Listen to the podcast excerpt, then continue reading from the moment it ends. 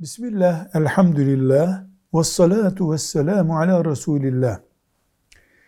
Kur'an-ı Kerim okurken veya dinlerken insanın ayaklarını uzatması, bir koltuğa yaslanması veya koltuk kenarında eğilerek durması veya yürümesi caiz midir?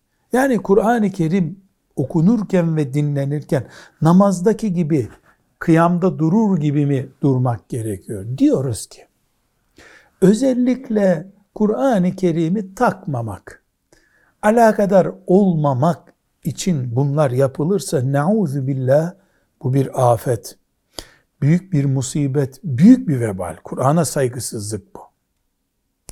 Bunun vebali insanın imanına da mal olabilir. Maazallah. Ama Kur'an-ı Kerim okunurken namazdaki gibi sağa sola bakılmaz, dönülmez diye bir şey yoktur. Onca takatımızı saygı için, tazim için kullanırız. Lakin ayak uzatılabilir, bir kenara yaslanılabilir, üç adım yürünebilir. Bunda bir sakıntı, sakınca yok. Velhamdülillahi Rabbil Alemin.